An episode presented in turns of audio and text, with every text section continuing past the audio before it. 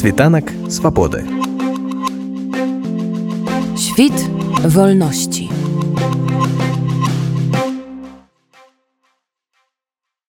Падыходзіць на галоўную плошчу Беластока рынак касцюшкі, удзельнікі акцыі пачалі недзе а 15.30, то бок за паўгадзіны да яе афіцыйнага пачатку. Людзей гэтым разам у параўнанні з аналагічнымі мінулагоднімі маніфестацыямі было заўважна менш. Мітынг пачаўся спяваннем пагоні Максіма Богдановича. Песню выконваў вядомы дзеяч мастацтва Сяржук Доўгушаў. А адкрыў мерапрыемства кіраўнік фонду тутака Павел Станкевич. Ён адразу пазначыў, што сённяшняя дата не зашмат вясёлая, але ёсць надзея, што патрэбныя нам перамены пройдуць вельмі хутка. Тое, што мы тут разам, мы можам паказаць падтрымку палізняволеным, а таксама тым, хто змагаецца ў баі, а яшчэ падтрымаць адзін аднаго. Ён азначыў, што на акцыю сабраліся не толькі беларусы, якія былі вымушаны пакінуць Беларусь, але і прадстаўнікі беларускай меншасці, беластачане і беластоцкія ўлады. Пра тое, што ўжо трэці год гарадскія ўлады ўдзельнічаюць у падобных беларускіх маніфестацыях, распавёў віцэмэр горада Рафал Рудніцкі. Ён нагадаў, што па рашэнні мясцовых улад генеральнае консульства Рэспублікі Беларусь цяпер знаходзіцца па адрасе сквер вольнай Беларусі. І ўспомніў пара Анджэя Пачобута, які церпіць у лукашэнкаўскіх засценках, як і сотні іншых беларускіх палітвязняў. Хвілінай маўчання маніфестанты ўшанавалі памяць загіблых ад рук лукашэнкаўскай улады беларусаў. У 38 гарадах свету беларусы ад сённяшняга дня пачынаюць выходзіць на акцыі салідарнасці, заявіў актывіст дыяспоры Ян Абадоўскі. Ён нагадаў пра падзеі трохгадовай даўніны ў Беластоку. Мы сабралі вельмі вялікі марш. Калі тысячи людзей ў Беластоку прайшліся маршам, каб паказаць сваю салідарнасць тымі людзьмі, якія выходзілі ў Менску, а таксама ў іншых гарадах на акцыі пратэсту. Сёння мы сабраліся, каб паказаць тое, што мы салідарныя з тысячамі палітвязняў, якія сядзяць за кратамі. Сёння мы прайдзем маршам да кансулята. Все разам, каб яшчэ раз пры лукашыцкім кансуляце паказаць, што беларусы далей змагаецца. І разам мы пераможам. Жыве Беларусь! Стаўшы ў калону і разгарнуўшы вялікае бел-чырвона-белае палотнішча, удзельнікі акцыі прайшлі па цэнтральных вуліцах Беластоку да генеральнага консульства Рэспублікі Беларусь. Яны скандавалі лозунгі, спявалі песні, неслі сцягі і транспаранты. Наступны мітынг адбыўся каля консульства. Першай узяла слова дзеячка культуры і грамадская актывістка Яна Шостак. Яна зноў паведаміла, што збіраецца балатавацца ў польскі сейм на бліжэйшых выбарах і заклікала далучацца да яе перадвыбарчай кампаніі ў якасці валанцёраў. Спадарыня Яна зноў паўтарыла свой перформанс, крык аб Беларусі, да якога далучыліся і галасы многіх прысутных.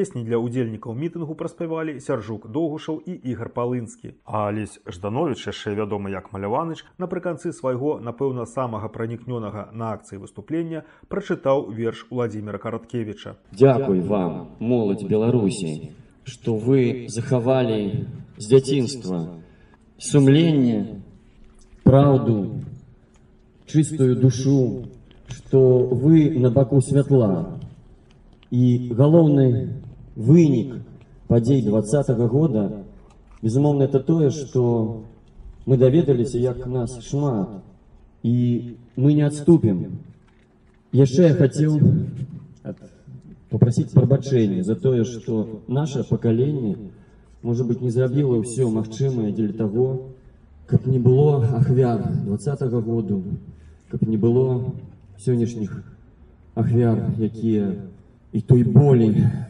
якая зараз адбываецца ў беларусі я вас люблю. І напрыканцы хочу прачытаць верш владимира каракевича. Дзе мой край там дзе вечную песню пяе белавежа там днём он на захадзе помніць варожую кроў дзе на ўзвышшых наваградскіх дрэмлюць суровыя вежы і вішнёвыя хаты глядзяцца ў шырокі дняпру ты ляжыш там дзе сіняя прыпяць ласкава віецца дзе Сафія плыве над дзвіною нібы карабель там дзе сэрца маё з першым крокам як молат заб'ецца калі б нават глухим і сляпым я прыйшоў да цябе, што сляпым нават мёртвым успомню высокія зоры, над ракою чырвонай цьмянай палёт кажаноў, белы ветрась на сініх, на гордых, як мора азёрах, і бары акіяны, і неба разліву і льноў, дзе мой край, там, дзе людзі ніколі не будуць рабамі, што за полеўку носяць ярмо ў безнадзейнай турме, дзе асілкі хлапцы маладымі ўзрастаюць дубамі, а мужчыны, як скалы, ударыш, дык зломіцца меч, дзе мой край, там, дзе мудрыя продкі ў хвоях паснулі, дзе жанчыны, як радасны сон у стагах на зары, а дзяўчаты, як дождж залаты, а сівыя матулі, як жніўё з павуціннем і добрае сонца ў гары. Варта адзначыць, што ў Беластоку даволі часта ладзяцца акцыі салідарнасці з палізняволенымі. Што прыводзіць на іх людзей, якія з'ехалі з Беларусі? З гэтым пытаннем я звярнуўся да некаторых удзельнікаў апошняй маніфестацыі. Я з самага пачатку хаджу, калі можна так сказаць. Але такая падзея ну, для тых, хто ў тэме яна значная, таму трэба было прыйсці. Ну, ось тры гады розныя акцыі праводзяцца розныя мітынгі шэсць нічога не змяняецца ці щось змяняецца ўсё ж таки Э, цяжка сказаць. Ну, калі казаць сур'ёзна, то аб'ектыўна відавочных зменаў няма. Ну, калі перастаць хадзіць, значыць будзе адчуванне, што ўсё ўжо і не зменіцца ніколі. А пакуль ходзіш, ёсць хоць ну, паглядзіш на людзей, якія тут знаходзяцца, якія таксама якіх таксама гэта нешта значыць і разумееш, што не знікла. тое што адбывалося тады ў двадцатым годзе ці ёсць нейкае расчараванне можа быць ці ёсць па-ранейшаму нейкая надзея на нешта? Не расчаравання няма. Ну, мне здаецца як павінна было так яно адбылося казаць што вы там павінны былі цэглы браць і ісці там разбіраць палац незалежнасці это смешна. Но для этого патрэбна структура арганізацыя гэта не было. Это просто быў масавы выбух людзей якія выйшлі супраць ну супраць гвалта шмат у чым. І каб сказаць што мы згодны з вынікамі выбараў ніхто не збіраўся ваяваць. Таму як адбылося так адбылося. Напэўна па-іншаму не магло быць. Правяла салідарнасць бо я ведаю як гэта цяжка калі ты застаешся адзін. Я ведаю як гэта цяжка калі ты адзін супраць вось быццам бы улады усей улады А насамрэч ты не адзін і вось я таксама выходжу за тых людзей, якія засталіся ў Беларусі, якія сядзяць зараз у, у турмах, калі сядзе хто сядзіць на хіміі і гэтак далей. То бок я і іх голас, я іх ногі, я і іх эмоцыі вось на гэтым мерапрыемствах.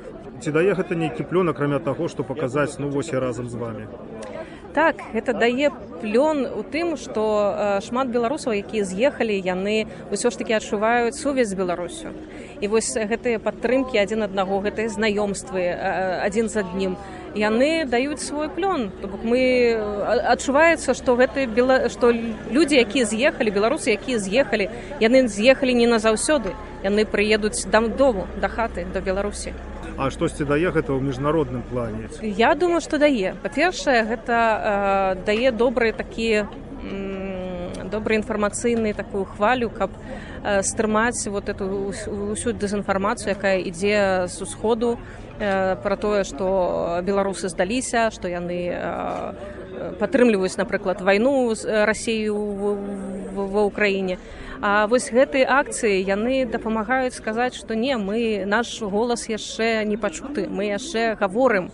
І мы яшчэ не ўсё сказалі і мы гэта не астатнія нашы словы. Былі ў двадцатым годзе і двадцать першым годзе і двадцать другім наш голас яшчэ наперадзе. Мы яшчэ скажам свае словы беларусі у вольнай беларусі. Падтрымаць беларусаў которые ну это не сторонка которую мы перавернем это так і будзе назад дарогі няма только вперед. Ну, ўжо тры гады, мы, тры гады мы ходзім пратэстуем праяўляем салідарнасць ці нешта змяняецца ці не яно яно падтрымлівае я не я не ведаю я хіба не мог бы жыць без этого.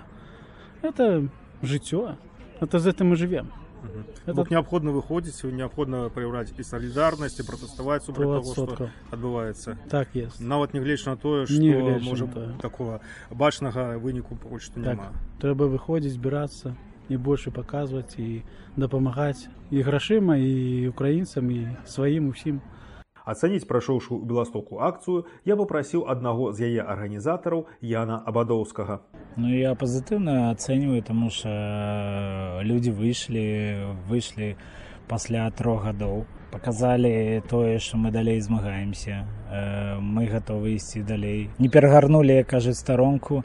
Далей будзем ладзіць рознага кшталту такія акцыі. Нам удалося вось зараз арганізаваць у 38 гарадах свету такія акцыі салідарнасці якія адбудуцца ў большасці 9 жніўня. Вельмі файна що як бы у беластоку сабралася даволі шмат людзей якія прайшліся шэсцем. Самае галоўнае мы сёння показалі что мы далей выходзілі выходзілі і будзем выходзіць пакуль наша краіна не будзе вольная.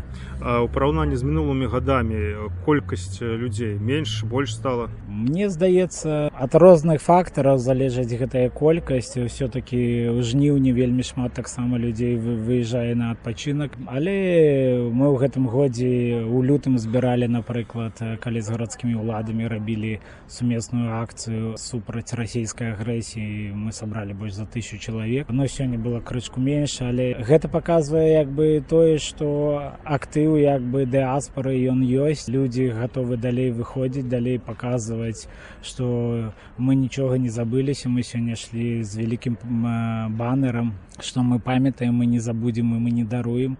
І гэта сапраўды так. Мы будзелі будзем далей змагацца. Будзем паказваць таксама для польскі польскай супольнасці што тут ёсць вялікая дыаспара беларусаў што пратэст ён далей існуе. Мы будзем выходзіць прыцягваць увагу да палізняволеных якія тысячи сядзяць зараз. Мы будзем выходзіць арганізоўваць акцыі у падтрымку Украіны, якая змагаецца і на як, у якой змагаецца беларускія добраахвотнікі. Беларусы якія знаходзяцца за мяжой гэта голас тых беларусаў якія сядзяць у турмах якія не могуць выйсці на беларусі. Мы таксама як бы показываем самім сябе що пратэст далей існуе мы далей змагаемся ідзем наперад пакуль наша краіна не будзе вольная. А ці мы можемм паўплываць нейкім чынам на тую сітуацыю што зараз у беларусі вось якраз на спыненне гэтых рэпрэсій палітычнага пераследу катавання ў турмах? Ну, мне здаецца э, нашымі акцыямі мы якраз як бы паказваем і расказваем польскім грамадзянам польскай супольнасці таксама ў развязі што тут э, за мяжой знаходзяцца тысячи беларусаў якія вымушаны былі біжаць за сваёй бацькаўшчыны з-за рэпрэсій і трэба звяртаць увагу на неадэкватнага лукашэнку які то запрашае чвк вагнер якія спакойна робяць вучэнні з беларускім войскам то беларуская ядерная зброя. Ну сапраўды лукашенко ні на ні на што не ўплывае гэта яшчэ раз паказвае што Беларусь на жаль знаходіцца под расійскай акупацыі Світанак свабоды. Świt wolności.